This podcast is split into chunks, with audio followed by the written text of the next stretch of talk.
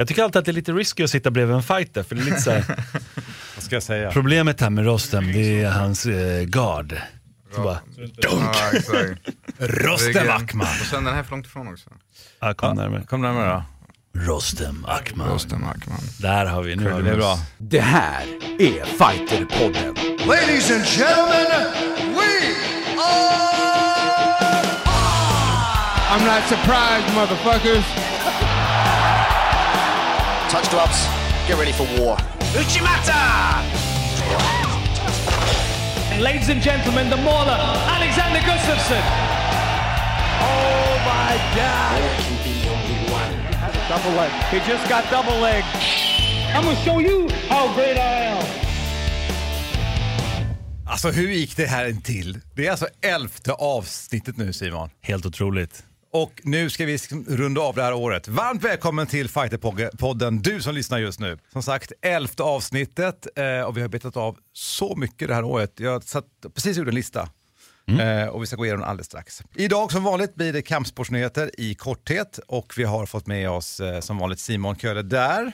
Hej hej. Där har vi inte Hans Wiklund. För fem minuter sedan kommer det bara, kan inte komma. Elis har fått kräksjuka, hans son har fått kräksjuka. Uh, ja men fan, stanna hemma skriver jag.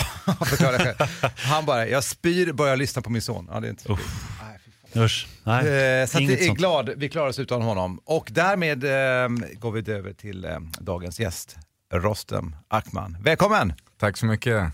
Kurdimus Prime, Yes. eller hur? In the house. Och så upcoming du är som MMA-fighter, som nu ska bli proffs! Exakt. Ja, det det är är på tungt. tiden. Ja, men det är kul att ha det här i Fighterpodden och vi eh, har ju sett dina framgångar senast nu under EM. Mm. Ja, det är det var grymt, det är grymt.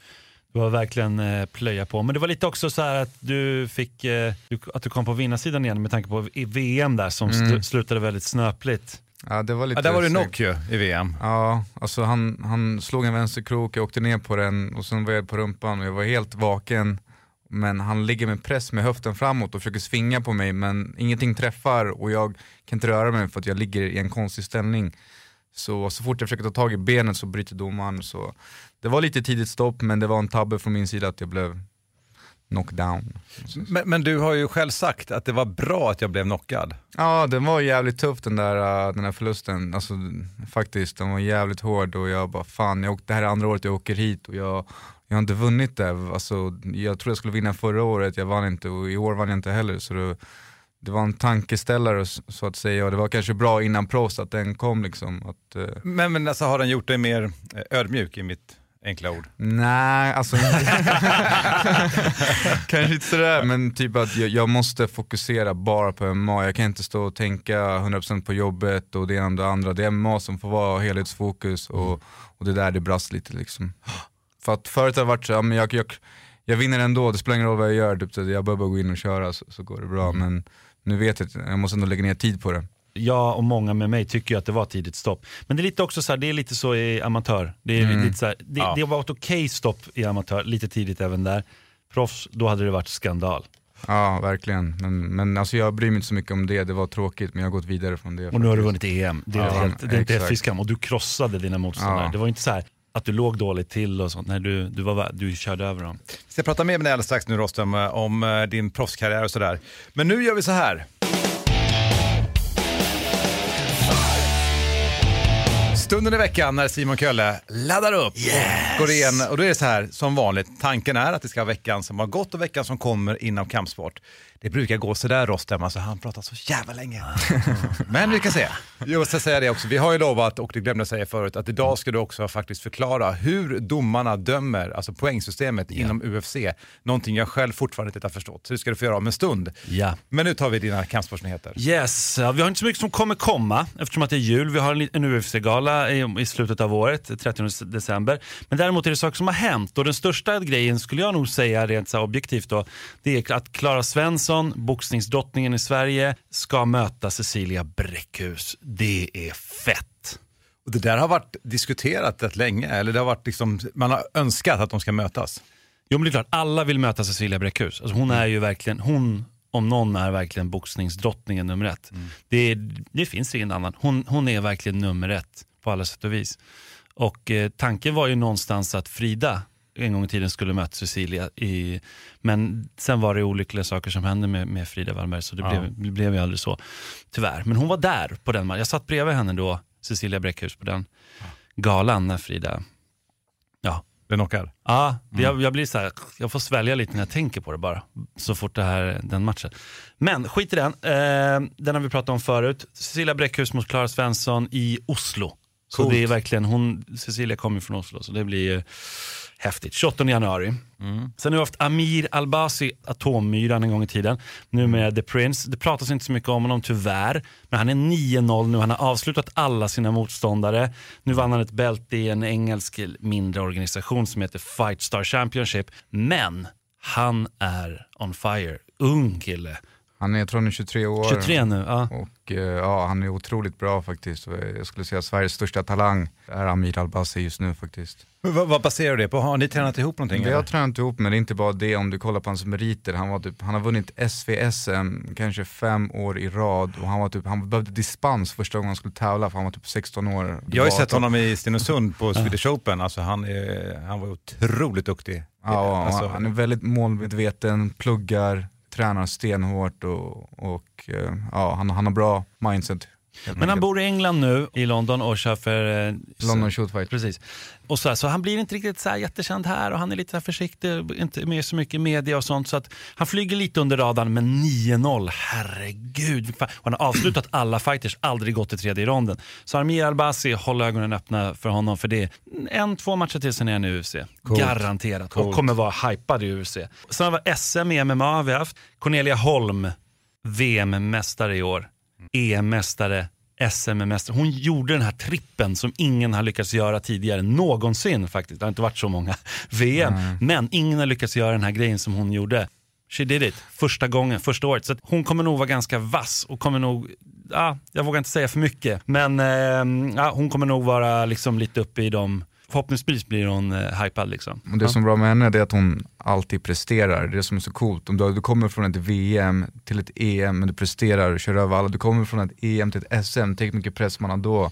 Hon har VM, EM och ändå så, så folk Precis, chans. den pressen. För nu, nu måste du verkligen Mm. vinna om du har vunnit VM och VM. Ja, det är coolt. Och på tal om det, att vinna tidigare och komma från EM och vinna SM så har vi Dan- Daniel Sjölander som eh, också är känd för att han eh, är journalist på MMA Viking.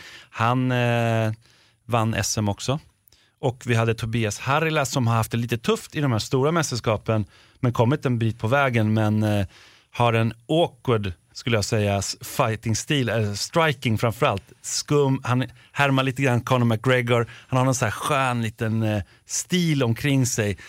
Cool kille. Han Ja. borde, jag borde jobba lite på backen, sen är han eh, jäkligt farlig skulle jag säga. Ja, alltså To- Tobias han vet om sina svagheter och även hans tränare vad de behöver jobba på. Men han har en otrolig kraft som folk inte kan sko skoja om. Jag sparras mot han och han slår fan jävligt hårt för att väga sådär 75 kilo. Det, det är något speciellt faktiskt. Ja, han slog ju Axel som eh, skriver för, på Fight Mag också för övrigt i finalen där. Men det, det, var ju, det gick ju rätt fort faktiskt Ja. måste jag säga. Det var, herregud vilken Nej, jag tror inte det är power. första gången det kommer bli så. När folk får smaka på hans power då det, det händer någonting. Sen eh, vi, hade vi då Battle of Botnia som var där samma, vid samma helg där då, nu i helgen som var. Daniel Tamer, också nu eh, obesegrad på tal om eh, Amir Albasi. Eh, I en annan viktklass än Am- Amir, men eh, inte, inte mycket tyngre. Eh, Han har gått upp i 6-0. Jonathan Westin som alltid, också, alltid flyger under radarn. Jag till och med glömde honom i en artikel om MMA-fighters i Sverige en gång.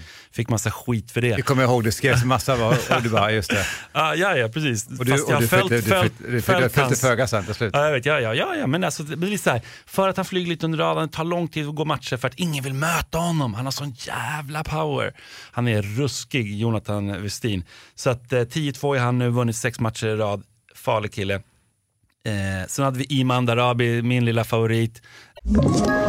Ett poddtips från Podplay. I podden Något Kaiko garanterar östgötarna Brutti och jag, Davva, dig en stor dos skratt.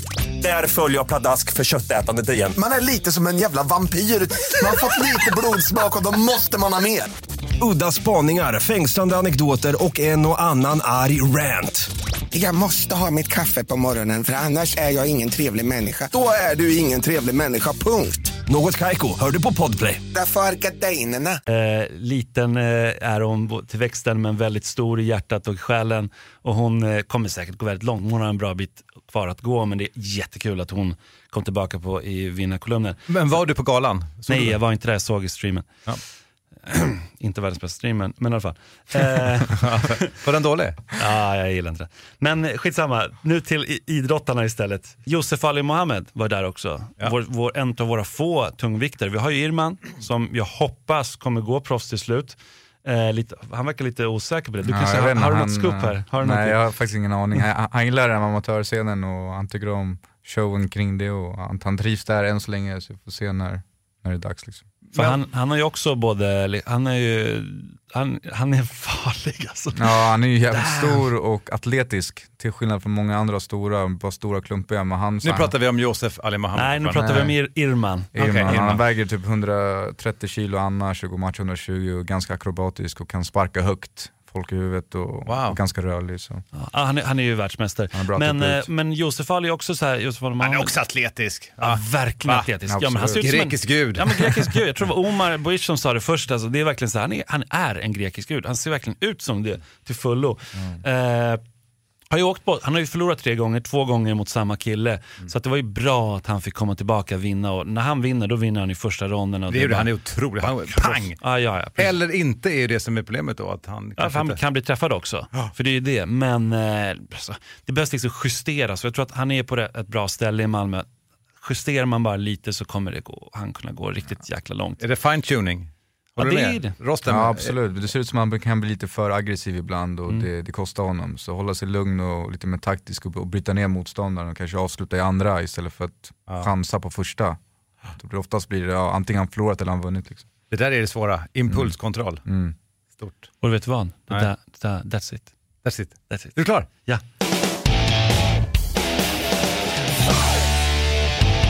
Det här är ju elfte avsnittet av Fighterpodden. Yes. Och eh, jag sätter mig ner och skrev, vad har vi pratat om det här året? Det startade ju faktiskt med att vi gjorde en podd om Nordic Open i BI. Och så hade Rika Karneborn här, eh, Johan Haldin och Marcus Widengren var här. Och då sa vi det, vi borde göra en podd som fortsätter. Så nästa avsnitt då kommer ju då Hans Wiklund med, som då inte är här idag. Och då snackar vi Muay Thai. Då hade vi ju eh, Magdalena Kowalczyk här. Eh, Vi hade Sanne Dahlbäck här, som inte var med på VM. Det var därför vi pratade om eh, Muay Thai. Sen har vi haft eh, en podd om karate, då hade vi Micke Sprites här. Och då kommer du in Simon, det var Just då, det, just du det. fick komma in i podden. Och det har vi ju funderat länge på. äran. Rosten, men det var en bra idé. Men det... Ja, Micke Sprites var här, Eh, vi hade han Jesse Enkamp som är sån här karatenörden. SM-mästaren Lina Wåglund var här. Sen hade vi Kevin Satake här, vi har pratat om MMA och UFC, hur det var att vara domare. Världens bästa domare Ja, faktiskt. visst är han duktig. Ja han är Mm, grym är faktiskt. Han, han ska få en eloge.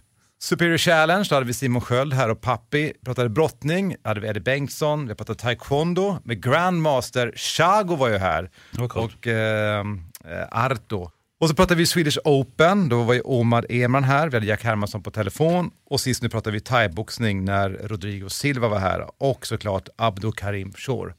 Men jag gjorde så här Simon, jag gick tillbaka lite grann och tänkte så här, vad har de sagt egentligen? Oh. Ja, inte alla.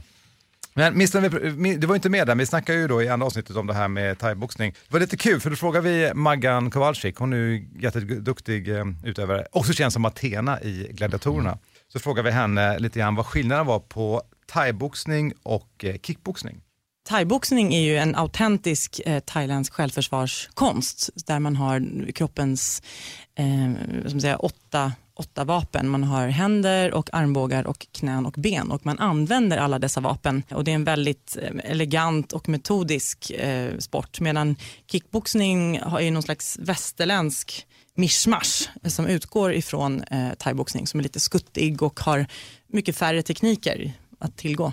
Sanny, vill du fylla på? Um, någon som inte har kollat på thaiboxning kan inte riktigt uppskatta for, alltså, konsten i en femronders clinchmatch medan vi som har thaibox, vi som thaiboxas och älskar det kan, kan sitta och titta på tusentals sådana där. Det som ser tråkigt ut i själva verket Exakt. är inte tråkigt. Exakt, hur man jobbar, hur man utmanövrerar ett knä, alltså, ut, alltså det är så vackert. Och kickboxing är då mer, man kan nästan säga att det är mer liksom två tjurar som, som stångas, det, det är det de vill ha, ingen clinch, inga armbågar som kuttar som gör att matchen måste brytas utan man vill se boxning Ja precis, det är ingen finlir Nej, utan det är exakt, mer Jean- Jean-Claude och gjorde oss en, en otjänst där. Som sprattlar runt sig.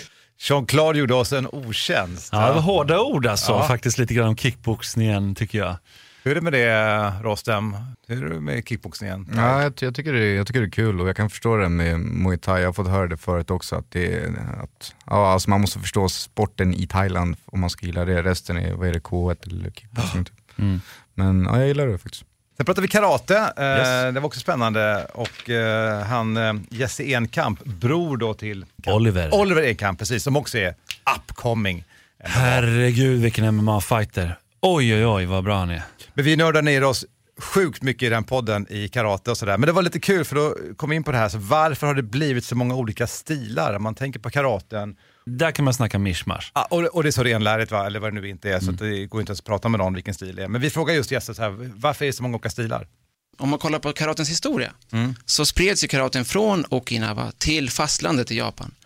Och då ville japanerna ha lite mer fakta. Okej, vad är det ni tränar egentligen? Vi måste fixa till det här. Vi måste systematisera. Ni måste ha bälten, ni måste ha stilar, ni måste ha namn på era tekniker, ni måste ha namn på era rörelsemönster. Ni måste kalla era olika dojos och organisationer olika saker, för vi ser ju att ni tränar olika saker allihopa. Men från början var det bara karate. Eh, och då så, då så började man liksom, eh, så att säga, kanske eh, skala av må- många saker som var viktiga från början i, i hopp om att popularisera och förenkla karaten och nå ut till massorna. I universiteten i fastlandet av Japan där det då började spridas. Och, och det var ju bra för att därför tränar vi. Annars hade det aldrig kommit hit. Men på samma sätt så, på samma gång då så förlorar man kanske lite av det som var ursprunget av karaten. Eller hur? Vilken, eh, han borde ha ett universitet, det har han typ. Han har ju lär det. Han har, det han har ju en, som en virtuell dojo, inte en dojo, men han har ju det här, han är ju the karate nerd. Och han, har, ju- alltså han tränade ju alltså när han var i sin mammas mage i praktiken. Den familjen är ju helt karatifierad. Men eh, har då den här communityn på nätet där man då tränar. Ja, men det är lite som Gracie, Gracie de har också sin eh, akademi eller sin skola där som man kan få på nätet. Ja, det här är en community, var jag som sa Ja. att det var en dojo. Han bara, "Nej, det är en community sa han. Men, men eh, det här är, det är en, rätt ung kille som är, han pratar ju alltså insatt i karaten och eh, framförallt de här traditionella värderingarna. Och har då sin bror som är så duktig inom MMA. De är ruskigt duktiga. Men vad säger du Rostem, alltså, kan man lära sig kampsport, kan säga att man går också lite på klubb, men också på en sån här kurs? Ja absolut, du kan lära dig på YouTube men, men problemet är att du lär, du lär dig lösa tekniker, du vet inte när de ska utföra dem. Alltså att göra en armbar eller en kimura, alla, alltså, det, det är inte svårt. Men att göra det i praktiken, det är det du behöver få på mattan. Så Du kan inte lära, lära dig ett koncept, hur BI funkar, MMA funkar, men du kan lära dig tekniker i själva spelet om man säger så. Ja men så fort någon gör motstånd, det är då det blir annorlunda. Ja precis, och du vet inte hur du ska förhålla dig till det liksom. Vad var det mer jag tänkte på? Jo men så tänkte jag när vi hade Kevin här, shit vad trevlig han är. Kevin ja, Ja, ja, ja, han han är grymt trevlig. Och då sa jag till honom, men du hade väl drömt hela ditt liv om att du skulle bli domare? Han bara, nej. Men vi frågade lite grann hur han kom in på att bli domare. Det, det har vuxit fram. Eh, som sagt, jag har hållit på med kampsport i drygt 25 år nu. Började med karate och sen boxningen. Och sett en hel del dåliga domslut. Och det är ju lätt att sitta på läktaren och tycka att domaren gör fel och så vidare. Och eh, ja, sen var det en incident för några år sedan som gjorde att då var det liksom, fick jag nog och kände, hur blir man domare? Bara vände mig om och frågade första bästa i förbundet. Och eh, tog eh, arslet ur vagnen som man brukar säga och eh, tog reda på nästa kurs som var i Göteborg då som eh, jag åkte på, betalade för det själv, bekostade det hela och tänkte istället för att sitta där på läktaren och tycka att domarna gör fel, alltså ingenting emot den domaren som gjorde det felet, vi är alla mänskliga, det är en bedömningssport. Jo, jo, men vilken domare var du? Det kommer jag inte ihåg. Nej, okej. Jag har boxats för länge, nej, men det, det, har, det har ingen betydelse, det, alla gör fel och det är inga konstigheter. Coolt ändå, eller hur? Ja, det är jätte, jättecoolt. Jag tycker det är roligt att han säger också att han så fick betala resan själv. Ja. Vem skulle annars betala? så, nej men det är coolt. Nej, men det, det just det här att någon ändå gör det som han, alltså, förhoppningsvis inspirerar fler att eh, gå från eh, liksom, läktaren och, och bli Ja, domare, och engagera sig, bli poängdomare. Förresten också. Ja, och möta sig själv också. Ska jag sitta här och tycka eller ska jag försöka göra någonting åt det här om man nu tycker att de dömer dåligt? Ja, för han var inte bara också, man ska inte säga, han satt inte bara i publiken. Han var involverad i Superior Challenge och sådana saker. Eh, och, eh, så att han, han såg det på väldigt nära håll. Jag såg det också, jag kommer verkligen ihåg, jag var ganska hård när jag första gången påpekade jäv som fanns bland, domare, bland poängdomare i Sverige. Eh, det, var ju så här, det var inte populärt. Det var ju väldigt eh, impopulärt, Ja, det det. Men det är jäv, hur mycket man än gillar personerna. Jag gillade de som satt där, men om du sitter och en av poängdomarna Rostem är din coach. Mm. Det är klart att det, det, är klart att det, det blir svårt att hålla, det, för Ja, den att ja, hålla sig klart. objektiv. Det fanns, det, så var det lite grann i Sverige förut faktiskt. Nu finns det ju regler kring allt det där. Det frågar ju också Kevin det här med, alltså, när får han veta vilken fight han ska döma? Och det är ju typ någon timme innan bara. Mm. I något kuvert bara, så här, den matchen ska du gå. Och det är väl för att du också förhindrar såklart av mutor och liknande va?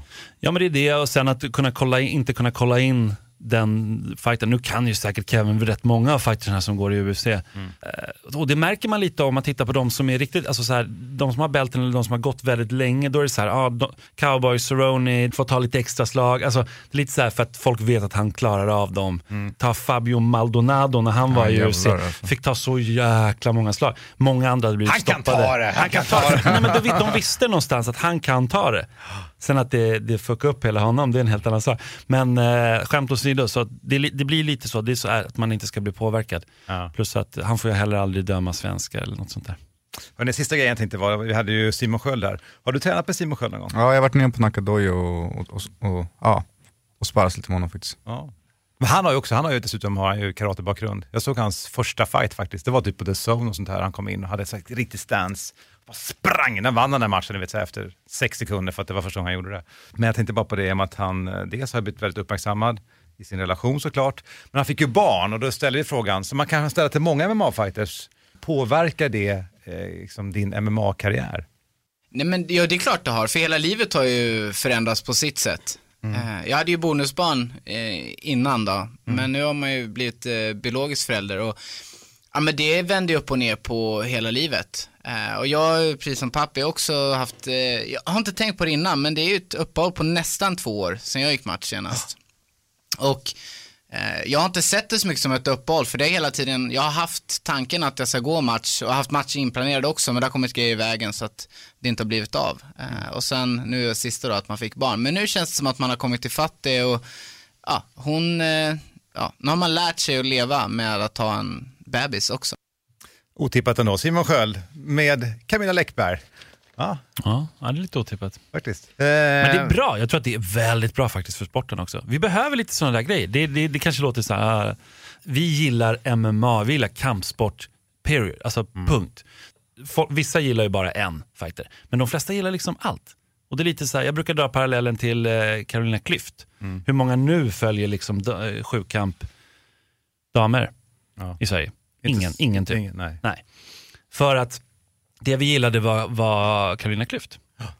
Och- Men här, vi gillar hela MMA-grejen. Vi kan kolla på en gala utan att man egentligen hejar på någon för att det är bara så här otroligt kul att se matchen. Men det var MMA-förbundet vet du som förde ihop Simon och Camilla Läckberg. Var det så? Nej, jag skojar. Tänk om det var det. Det var helt strategiskt. Jag vet, jag vet en, en liten grej där och det är att Simon, ett år innan de blev ihop, eh, så var han någon sorts eh, liksom, present till henne i, i underkläder bara och dök upp tillsammans Nej, med en han, kompis. han, stod, han stod på en sån där gala i... Ja, det var något sånt, så ja, var det, precis. precis. Med, någon, med någon kompis. Och någon Han kallades för, för Toyboy eller... Ja, Det- precis. typ det var så lite i början. där. Nej, men Simon är grym och han är jättebra för sporten. Och därmed knyter vi ihop faktiskt, det var året eh, hittills i Fighterpodden.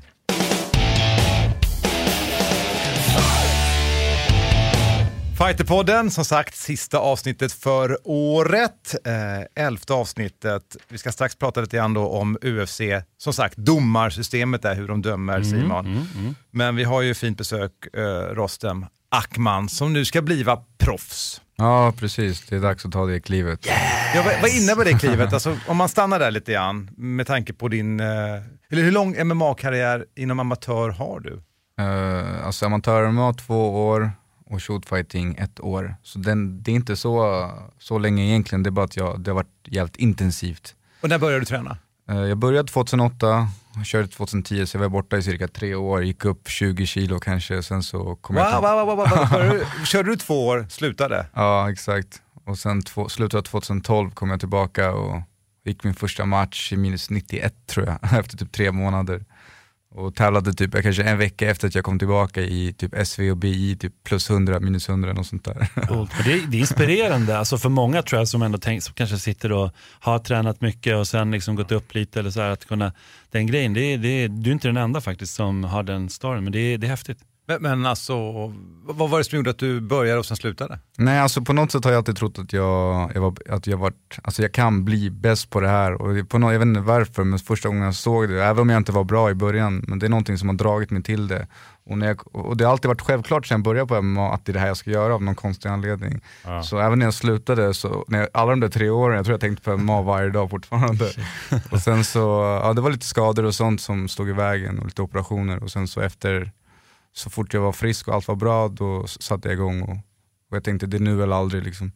Men att också gå upp rätt mycket i vikt då, alltså det måste ha varit trögt i början? Ja, jag, tr- jag trodde jag var just lika bra som jag var när jag var slutade, så det var lite svårt för egot i början. Alltså, jag fick fett med stryk och, och sådär. Och det tog fan några månader inför fan rosten, du är inte bättre än så här. Det, det är bara släpp på egot och, och, och, och lyssna liksom. Och vad innebär det för dig ehm, att gå över, hur, hur ser du att bli proffs? Alltså, vad, vad är målet med det? Nu, nu släpper du amatör och nu ska jag bli proffs. Alltså målet är att, att bli bäst i världen helt enkelt och komma till UFC och ta bältet där. Det, det finns inget annat för mig egentligen och det är därför jag gör det och jag tror att jag kan nå dit och ja, det, var typ såhär, okej nu är jag klar med amatörscenen, nu är jag redo för UFC. Jag har en fråga där. När du tittar på svenska, vältevikten är en tuff viktklass, herregud.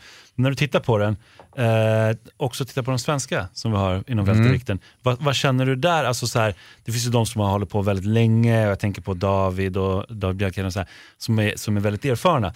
Men eh, hur ser du nästa generation? Hur ser du så här, bara, bara med ögat? För du har inte mött dem, men hur matchar du mot de andra svenskarna som, som är en, för vi är ändå bra, riktigt bra Mm. ja, välteviktare. absolut, absolut, vi har bra välteviktare men eh, jag har svårt att se mig att, att, någon, att någon av dem skulle vara problem faktiskt. Jag, jag tror inte det. Och, och även Oliver en kamp, alla de här, eh, bara för att träna bra, ett, ett, ett, ett träningscamp till det bra så tror jag kan slå vilken välteviktare i Sverige. Jag älskar det där. Yes, rubrik! Ja, men det, ja, det, är- det älskar jag också för sig, men det är mer det här självförtroendet. För jag, jag tänker ju, där är vi så olika. Jag, jag, det har alltid varit min dröm att jag skulle ha den typen av eh, mental styrka är nog bästa exemplet. För att när du säger, ganska enkelt, jag, vill, jag tänker bli bäst i världen, då tänker jag så här, det är ganska många i min viktklass som säger, jag ska bli bäst i världen. Vad är det som gör att du tror att du kan bli det? Jag tror jag sticker ut alltså. jag, jag är inte som de andra och jag är mycket smartare än alla i buren och, och jag, jag har en slags aura när jag fightas som jag vet att folk kan inte hänga med och jag kan köra alltså, tills jag dör egentligen. Och jag, och jag vet att jag sätter ihop allt bra, jag, jag är inte bäst, jag, jag kan säga så här, om jag möter, jag säger inte att jag är bättre boxare, bättre sparkare eller vad som helst. Men jag förstår själva MMA bäst och jag vet hur jag ska anpassa mig i buren, hur jag ska förhålla mig till honom och sånt. Han kanske slår en, hög, en, en, en höger bättre än mig, men jag kommer träffa den högern, jag kommer Ja. ta ner han och så vidare. Liksom. jag, jag förstår det, att du, ni, ni kan vara jämna tekniskt, men det du beskriver är ju fortfarande en övertygelse. Ja. Hur har du fått den, alltså din uppväxt eller din bakgrund? Ja, kanske, fått mycket kärlek av mina syskon och, och mamma och pappa. Ja, men det är pappa, kan det vara så? Din farsa, hur är han? Ja, sådär.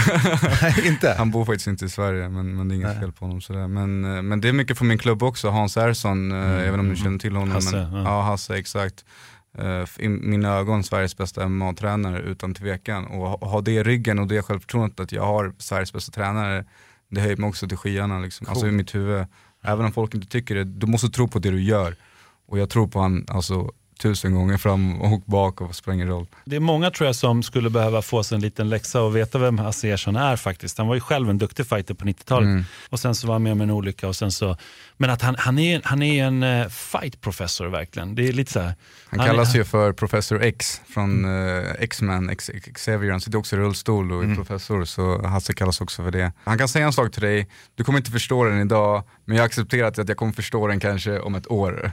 Det han visar, så jag bara fan han hade rätt alltså, det är så jävla sjukt, det är alltid sådär. Fråga, fråga vem som helst på fight som, som har tränat det länge, det, det är sådär. Men där, där kanske du har svaret Mårten.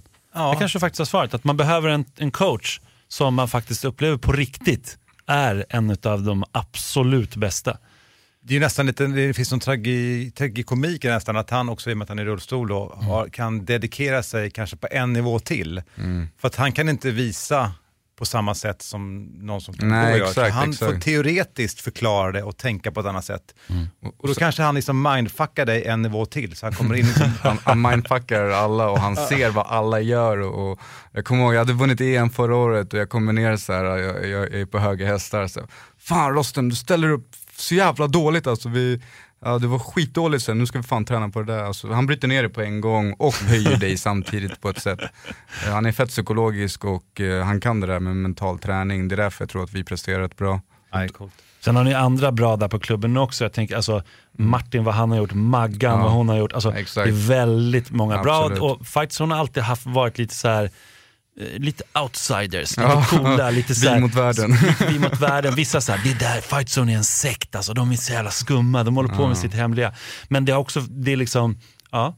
Så, så, var dörrar, Hil- du- så var Hilti när det var mycket snack om Mm. dem, när de var liksom bäst i hela världen. Då var det också lite så ah, det är bara så snack. Vad gör de där inne egentligen? Det var mycket prat liksom. Det brukar ofta vara så. Prana har det lite nu. Vad händer egentligen i Prana? Folk som pratar runt omkring. tror- jag Märker inte du det. Mårten? Jo, jag tänker precis på det du säger här och sen är det lite grann att det går i olika tider. Ja, ja, ja. Så är det. Och just nu är det som du säger, inom BJJ kanske det är prana lite Ja, nu är det mycket Prana. Men att vara proffs, alltså det här innebär ju att du, du behöver lägga mer tid och eh, det kostar mer. Exakt, det kostar mer och jag har inte riktigt råd att förlora. Men det är klart att det kan, det kan hända, eh, det är en del av, av processen. Men, men det är mycket viktigare, liksom, att proffsrekord spelar roll, ett amatörrekord, ja nu är det borta egentligen. Det är bara mina titlar som är kvar, så att säga. Så ja, det blir mer träning och, och mer fokus och, och ta det till nästa nivå. Liksom, för att de man möter på toppen i världen, de är riktigt bra och man måste träna fett hårt för att, för att ja, fightas med dem. Hur många matcher vill du gå ungefär kommande året då? Eh, jag vill gå så många jag kan. Eh, om jag, får, ja, jag vet att det är så strul med så här, man får en match, match hoppar av, men om jag kan fem matcher första året. Det är grymt. Ja, Ja, det jag- vore häftigt. Men parallellt nu ska du också, jag tänker på sponsorer, alltså du behöver ju intäkter. Rosten, du är med på det va? Ja, det är det som är lite svårt. så- Pa- Pappa Mårten nu. Alltså, lite äldre, lite vuxnare. Mm. Men mitt, jag har ett ganska bra jobb som, som gör att jag kan kombinera lite grann. Jag jobbar med, med ja, ungdomar i princip och jag brukar gå och träna med dem och, och hjälpa Ja. dem med sånt. Så passar jag på att träna själv liksom, och det är på dagen. Sen på kvällen tränar jag ändå på klubben. Liksom. Grymt. Ja, det är härligt. Mm. Verkligen stort lycka till. Tack så Mm, mycket. grymt stort jag, lycka till. Ni kommer höra mer om, om, om Rostam Ackman, det är jag helt övertygad om. Och, eh, ja, det är bara att vänta och se. Om inte annat kommer du höra det här i Fighter- Fighterpodden, för vi kommer ju följa dig. Det först. Han var här, absolut först. Ja, Kommer du ihåg när han var Ja, här Simon? Jag, jag körde med Jycken, det var alltså, att jag tog den första intervjun med Jycken och det brukar jag alltid påminna honom om. Kommer du ihåg Jycken? Kommer du ihåg vi träffades på café? Han säger aldrig, ah, jo, jo. Bra reklam. Ja, eller hur, eller hur. Nu du Simon, hjälp mig nu. Nu ska vi prata UFC, vi ska prata domar, dömningar och poängsystem. Varför kan jag inte förstå det? Det är inte för att jag är korkad, utan du måste förklara. Hur går det till?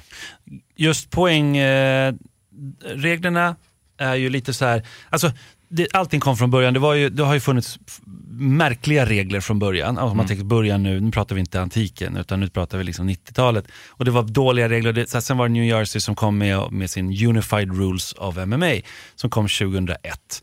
Och då sattes ett regelverk ihop och det regelverket har varit väldigt luddigt. Så att det har varit upphov till massa tolkningar. Vad är egentligen effektiv striking, vad är egentligen effektiv grappling, eh, octagon control och sådär. Och UFC har inte gjort det lätt för sig genom att försöka förenkla.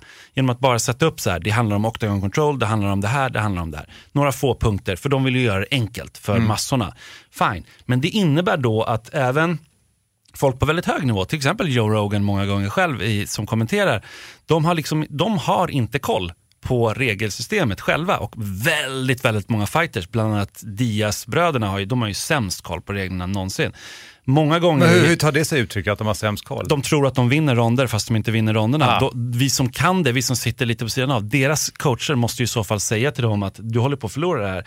Gå in, go for the kill i tredje ronden. Men de liksom. säger you're winning. Du, du vinner. Och sen är de helt chockade, så tittar de på matchen. Nej men vadå, jag hade ju kontroll. Och så fattar de inte den grejen.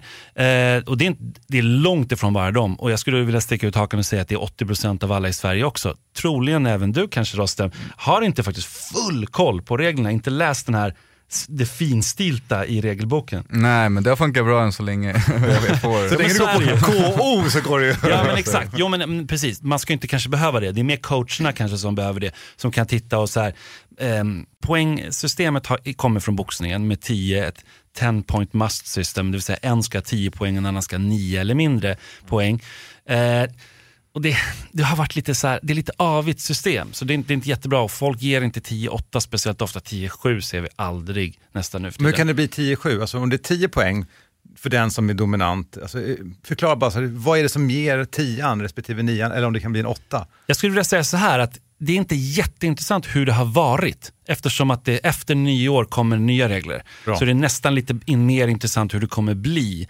Och hur det kommer bli, då är det att en 10 Det var ett fint sätt att säga så här, det var en skitfråga Mårten, men kör Nej, det, var, det var en bra fråga, det var en jätterelevant fråga, för det där är någonting som verkligen folk undrar. Nu kommer man till att börja med börja med 10-10 inom proffs-MMA. Och det kommer göra en eh, väldigt stor skillnad. Att det verkligen, det har ju funnits inom amatör, där kan det bli 10-10 på ett helt annat sätt. Men genom att, för är det så att, det, det, det är vissa kriterier då som, man, som ska uppfyllas. Och först och främst är det två kriterier. Och det är effektiv striking och det är effektiv grappling. Vad menas då med effektiv striking, Rosten? Nej, att man eh, prickar den andra mer, eller jag tror det är mer att, så här, att om du träffar hårdare än den andra, alltså gör mer skada helt enkelt stående och inte tar så mycket stryk. Så. Precis, du, du, är inne på, du är inne på det helt rätt. Det är, ju- inom boxning det, kan det ju vara mer att må, många, mängden gånger och det, ju, det finns även räkningssystem i USA och allting där det är så här, de kollar hur många, kollar hur många gånger man träffar. Gång, antalet gånger kommer spela ännu mindre roll nu. Det är bara impact. De, man ska ta bort damage överallt och i Sverige har vi aldrig kört skada egentligen. Vi säger ju skada. För man har kört damage blir ju skada på svenska. Men eh, det, det har jag aldrig kunnat flyga. Det flyger inte inom politiken att säga att vi ska skada varandra i MMA. Men så impact kommer rörelse handlar om och effektiv striking är precis det du säger, att sparka eller att slå någon så att det ger en impact, så att det resulterar i någonting. Det, det betyder alltså ett löst slag som får motståndaren att vackla till. Vad innebär det då, Mårten? Eh, ja, det är ju inte då en effektiv, utan det är ju mer att det tar honom ur balans. Och... Fel. Precis. Det spelar ingen roll om det är löst eller hårt. Ah, det det- handlar om hur man tar emot Ah, slaget. det fick ju en effekt. okej. Ah, jag fattar. Exakt. Inte så jag förstod Så att det. det, precis, så det är väl, det, där, det du tog upp nu och det är det absolut vanligaste miss, eh, liksom, misconception kan man säga. Att folk säger, han slog ju skit och träffade honom stenhårt i magen. Nej, men han, han rörde sig inte, han bara tittade på den och tog emot den. För han är en robot. Nej men alltså, så kommer det bli ännu tydligare. Bra förklarat där Simon, Ja. jag fattar. Ja. Så att det är det, det är effektiv eh, striking. Effektiv grappling det är ju naturligtvis nedtagning, det är naturligtvis försök till submission, eh, erhålla position, att helt enkelt, ja men det, det kommer ju från BJ egentligen. Men det handlar mer om att det handlar inte att bara passera, det handlar lite om att du ska behålla den positionen också. Om du passerar och sen så fångar han direkt upp igen till en halfguard eller, no- eh, halvguard eller någonting, då, då betyder det inte så mycket att han var en sekund i, i side. Liksom. Ehm, det är ändå MMA någonstans. Du ska göra någonting i den positionen du är. Det ska ge dig fördelar och du ska göra någonting med dem. Vändningar helt enkelt trans och transitions, det kommer också det kommer in så att det, blir, det kommer värderas högre. Ehm, Alltså om jag är i underläge och kommer på topp, alltså om jag sveper ja, så här. då är det lika mycket värt ungefär som en nedtagning. Ah. Så att, så, och det, det är väldigt kul tycker jag. Alltså, det, det- då tar man med sig, som du säger, principer från BJ. Liksom. Ja, Ja. ja. men precis, att, att det blir så. De två värderas eh, lika. Eh, från allra, allra första början måste jag säga, då var det faktiskt striking var före grappling. Så det var ju lite en så här vilja att ha mer striking, mindre grappling i MMA. Det har suddats ut lite med årens, under årens lopp. Eh, nu är de här helt, helt lika. Och då om de här två är lika också i en rond, om ni två skulle mötas och ni ungefär har lika mycket, du kanske är grappler Mårten och du är striker Rostem i det här fallet, och ni har ungefär gjort lika mycket på samma rond. Då går man till backup-planen och backup-planen då det är eh, effective aggressiveness eller effektiv aggression eh, och i det fallet är aggressivitet eh, inte något viktigt utan effektivitet. Eh, helt enkelt att det är liksom nyckelordet. Att bara jaga någon och det inte leder någon vart, eh, den kanske backar eller någonting sånt där under hela ronden, det är i sig ingen nackdel. Träffar du är du effektiv men ändå backar, absolut. Det, det gör också att du kan vara en defensiv eh, counterpuncher till exempel och faktiskt kunna vinna en rond på det. Så det blir svårt för Diego Sanchez att springa efter folk nu? Nej, fast om han är effektiv när han springer Ja, framåt, det då, det då, grejen. då värderas det mer Okej. eh, än om han skulle backat och träffat. Så det, är så, det, här är, men det här är ändå backup-planen då.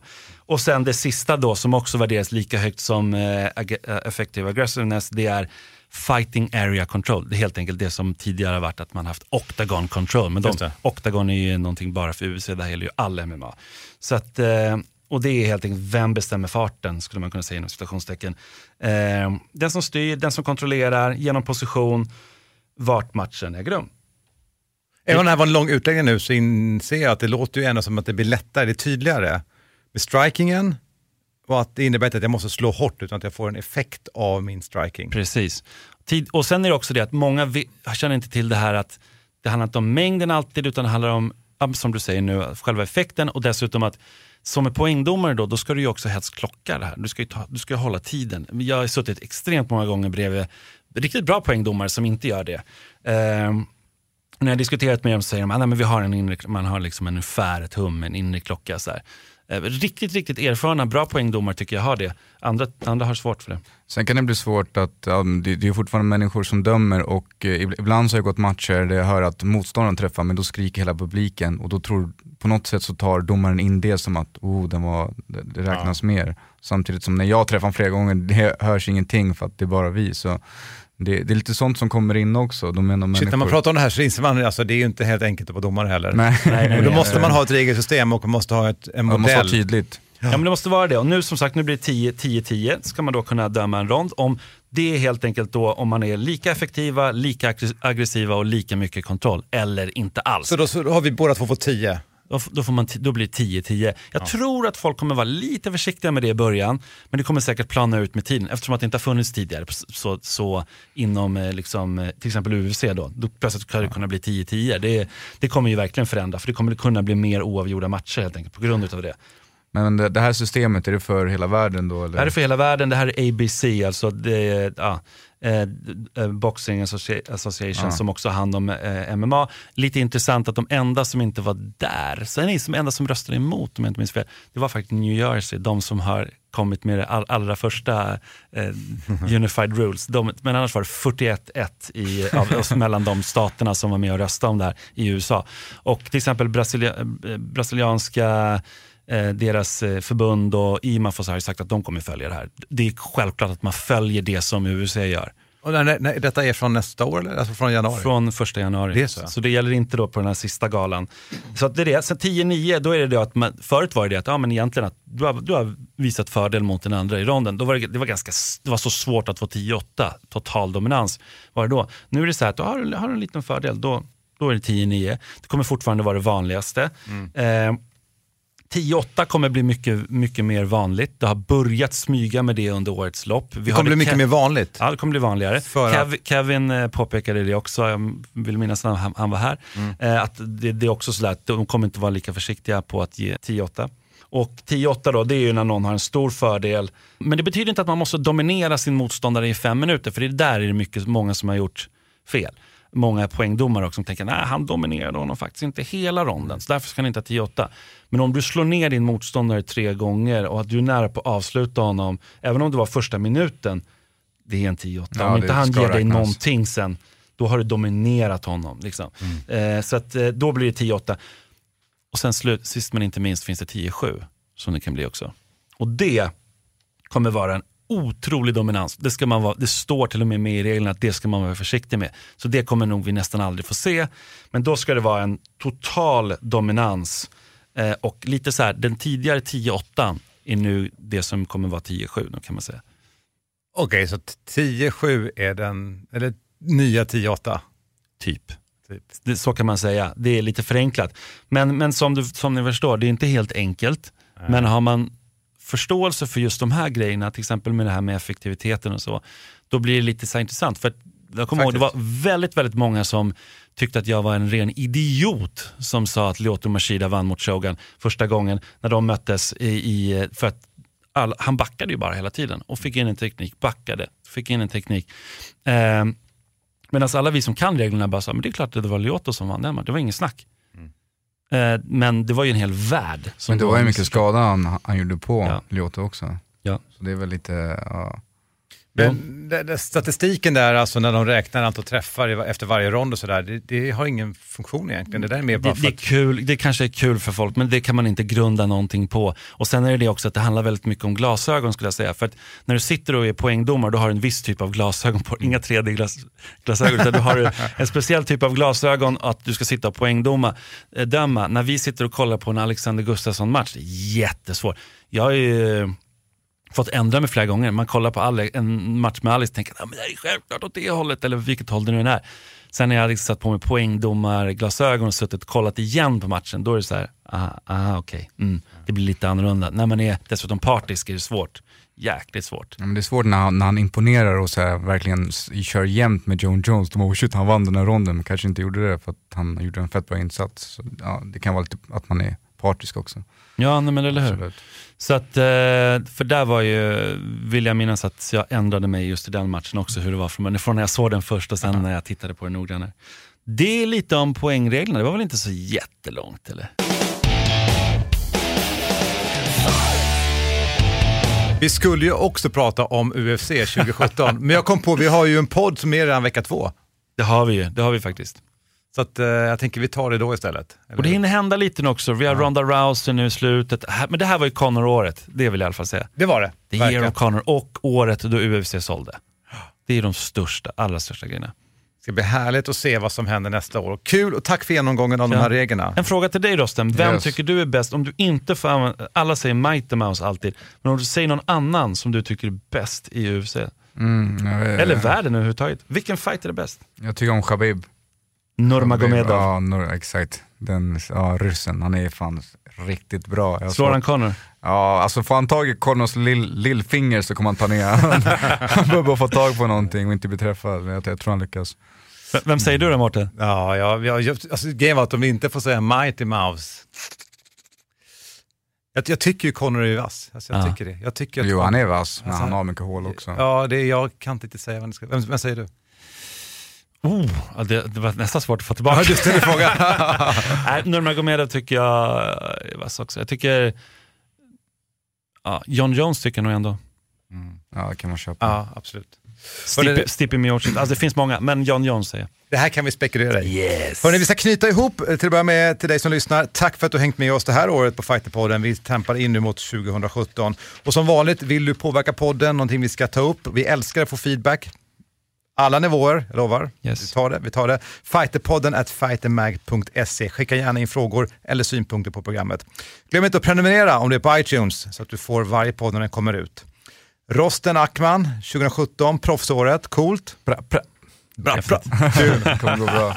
Vi eh, önskar, eh, ja nu är inte han här då, men Hans Wiklunds son att han Ah. eh, kryar på sig idag. På sig. Eh, och tackar honom för det här året. Och Simon Kölle, tack för det här året. Tack för det här året och god jul! Detsamma till er. Gott nytt år. Mårten Söderström signar ut. Vi hörs eh, nästa år. Uss! Usch! Fighterpodden produceras av Suba Media för Radio Play och Fighter Magazine. Ett poddtips från Podplay. I podden Något Kaiko garanterar östgötarna Brutti och jag, Davva, dig en stor dos skratt. Där följer jag pladask för köttätandet igen. Man är lite som en jävla vampyr. Man har fått lite blodsmak och då måste man ha mer. Udda spaningar, fängslande anekdoter och en och annan arg rant. Jag måste ha mitt kaffe på morgonen för annars är jag ingen trevlig människa. Då är du ingen trevlig människa, punkt. Något Kaiko, hör du på Podplay. Därför arkadeinerna.